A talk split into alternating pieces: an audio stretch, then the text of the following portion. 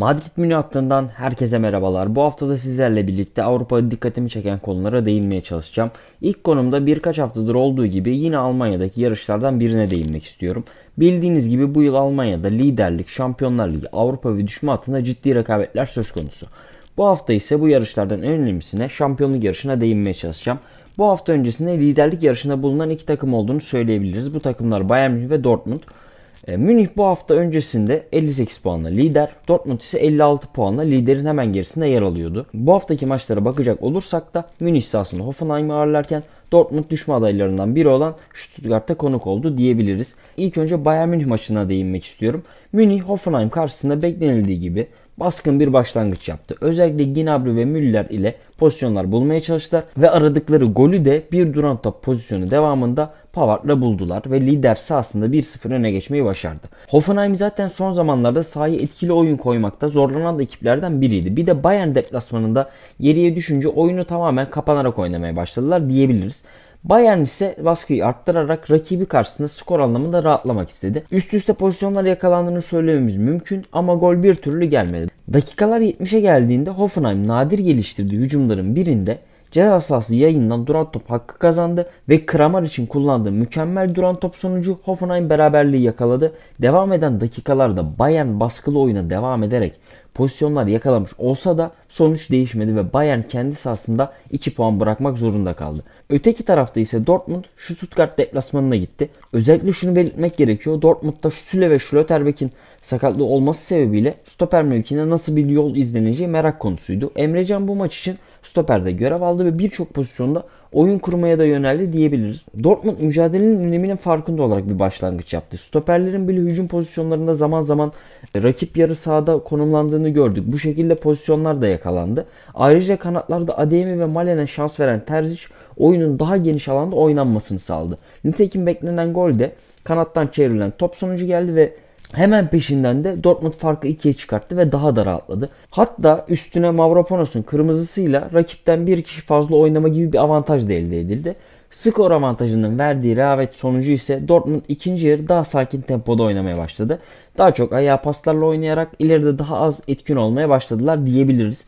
Aslında bu yönelimin kötü sonuçlar verdiği maçlar da yaşandı bu sezon. En yakın tarihte bunu örnek olarak Schalke maçını verebiliriz. Ve yine Schalke maçına benzer bir tablo ortaya çıktı.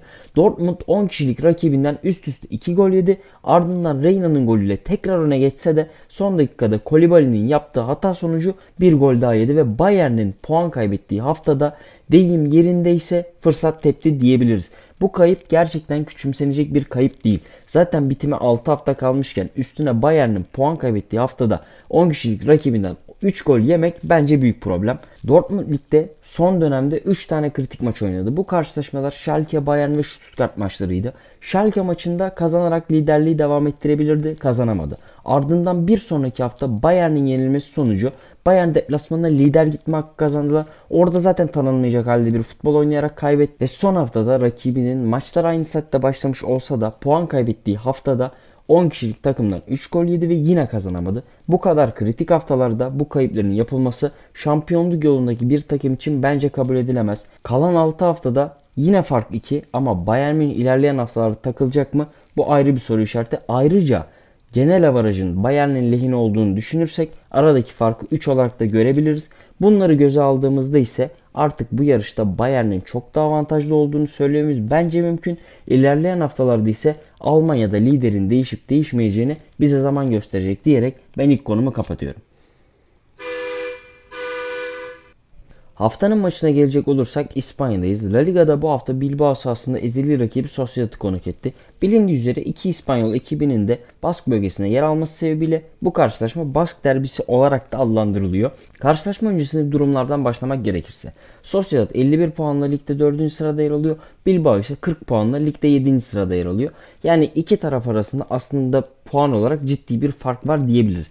Fakat iki taraf arasında her zaman ciddi bir rekabet vardı. O yüzden bu karşılaşmayı kazanmak iki taraf için de çok önemliydi. Yani açıkçası sıralama rekabetinden çok ezeli rekabetin söz konusu olduğu bir mücadeleyi tanıklık ettik diyebiliriz. Karşılaşmaya geçmeden önce hemen formasyonlara değinmek istiyorum. Bilbao alıştığımız gibi 4-2-3-1 formasyonla sahaya çıktı. Kanatlarda Williams kardeşler vardı. İleride ise Gruzeta yine şans buldu. Sociedad ise 4-1-3-2 formasyonla sahaya çıktı. İleride bu sefer Sörlot yoktu. Algo ise bu karşılaşmada Kubo ve Oyarzabal ikilisine şans vermeyi tercih etti. Karşılaşmaya gelecek olursak Bilbao taraftarının desteğiyle daha istekli başlayan tarafta. Rakip savunmaya uyguladıkları sert presle onları top kaybına zorladılar. Ayrıca Iñaki Williams birçok hücum pozisyonunda rakip cezasında konumlandı. Uygulanan baskı ve dirençli oyunun devamında Bilbao ardarda arda pozisyonlar bulmaya başladı. Özellikle Nico ve Iñaki Williams'ın bu bölümde ciddi şut şansları elde ettiğini söyleyebiliriz. Bir korner pozisyonunda ise Bilbao Iñaki Williams'ın golüyle 1-0 öne geçti. Gol sonrası Sociedad'ı rakip yarı sahada daha fazla görmeye başladık. Özellikle Mendez'in rakip ceza sahası içine doğru koşuları dikkat çekiciydi fakat gol gelmedi. Iñaki Williams'ın sağ çaprazdan vurduğu etkili şut sonunda ise fark 2'ye çıktı. Bilbao bu dakikadan sonra tamamen geriye çekildi ve bu sefer de Sociedad önde baskı uygulamaya başladı. Özellikle son 10-15 dakikalık bölümde Bilbao savunmada ciddi hatalar yaptı ama Sociedad forvetleri bu hataları değerlendiremedi ve Bilbao taraftarının önünde bu önemli karşılaşmayı kazanmayı başardı. Karşılaşma sonundaki duruma bakmamız gerekirse Sociedad son haftalarda gerçekten sahaya etkili bir oyun koymakta çok zorlanıyor. Son 8 haftada sadece 9 puan alabildiler ama sezon geneline bakacak olursak iyi bir yıl geçirdiler diyebiliriz. Bunu da kesinlikle Şampiyonlar Ligi vizesiyle taşlandırmak istiyorlar. Ama fark artık Betis'te 3'e indi. Yani Şampiyonlar Ligi vizesi alamama tehlikeleri var. Bu yüzden kalan 9 haftada ihtiyacı olan puanları almaya çalışacaklar. Bilbao tarafına bakmak gerekirse Bilbao ise sezona gerçekten çok etkili bir başlangıç yaptı ama bitiricilik konusunda problem yaşıyorlar. Yani takımda ciddi bir forvet eksikliği var. Bunu sezon boyunca hissettiler ama transfer politikasından dolayı bu forvetin transferle kazandırılma ihtimali neredeyse sıfır. O yüzden kendi imkanlarıyla bunun üstesinden gelmeye çalışıyorlar. İspanya'da ilk alt takım direkt Avrupa vizesi almaya hak kazanıyor. Yani Bilbao'nun 6. ile farkı şu anda 4. Yani bunu başarabilecekler mi göreceğiz. Ama bir ihtimalleri daha var. Eğer kupayı Real Madrid kazanırsa ki Osasuna ile final oynayacaklar. 7. olarak da Avrupa vizesi alabilirler. Belirli periyotlarda bu kadar düşüş yaşadıkları bir yılda Avrupa vizesi almayı başarırlarsa bence hedeflerini gerçekleştirmiş olurlar diyerek haftanın olayını ben kapatıyorum.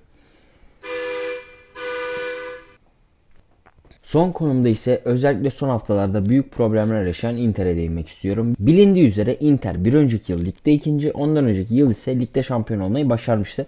Bu yılki hedef de yine ligi buralarda bitirmekti. Ama açıkçası işler pek de öyle olmadı. Sezona çok etkili bir başlangıç yapamayan Inter ilk 8 maçında 4 mağlubiyet aldı. Ama bu dönemde oynanan futbol açıkçası skorları tolere ettirecek şekildeydi. Özellikle hücuma dayalı olan bu futbolla birlikte ortada bulunan Barella ve Borozovic isimleri hücumda daha fazla sorumluluk almaya başlamışlardı. Hem oyun kurarken hem de rakip cezasında gol pozisyonlarında görülen bu ikili ilk haftalarda ciddi de skor katkısı verdiler diyebiliriz. Ayrıca Inzaghi'nin ilk 8 haftadaki oyununda beklerinde payı çok büyüktü. Bilindiği üzere Inter takımının beklerine baktığımızda yani Dumfries, Gozens, Di Marco gibi genelde hücum yönü yüksek bekler karşımıza çıkıyor.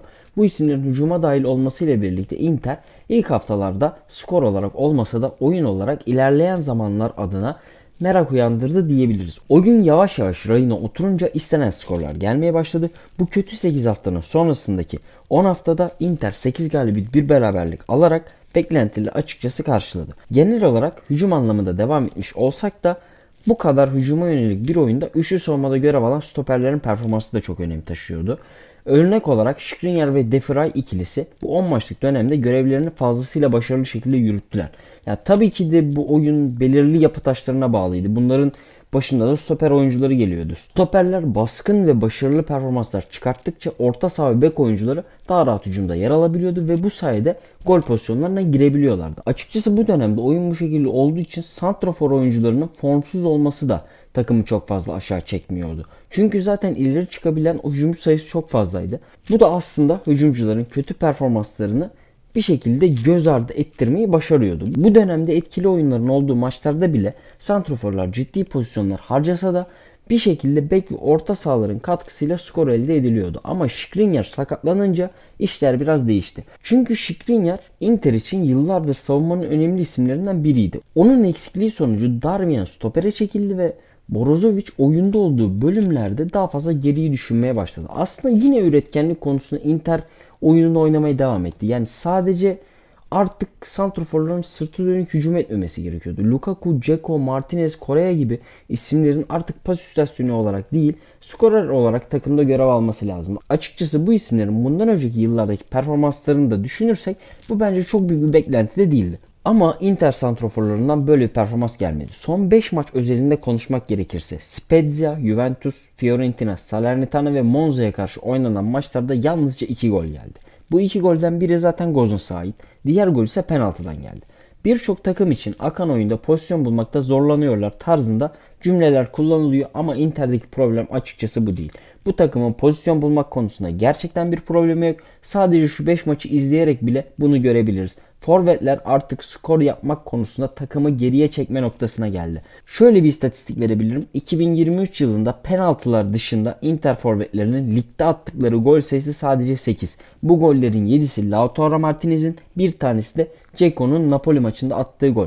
Bu sezon bazı maçlarda Inter gerçekten ekstra oyunlar oynadı. Napoli maçı bunlardan bence en önemlisi. Ama o kadar etkili bir oyuna rağmen yine 1-0 gibi mütevazi bir skorla sahadan ayrıldılar. Şu son 5 hafta sonrası ilk 4'ten düştüler. Milan'la aralarında 2 puan fark var ve Şampiyonlar Ligi vizesi almak istiyorlar. Ama açıkçası bitiricilik konusunda bu şekilde devam ederlerse işleri çok kolay olmayacak gibi görünüyor diyerek ben Madrid Münih hattından bu haftalık bu kadar diyorum. Hepinize beni dinlediğiniz için çok teşekkür ederim.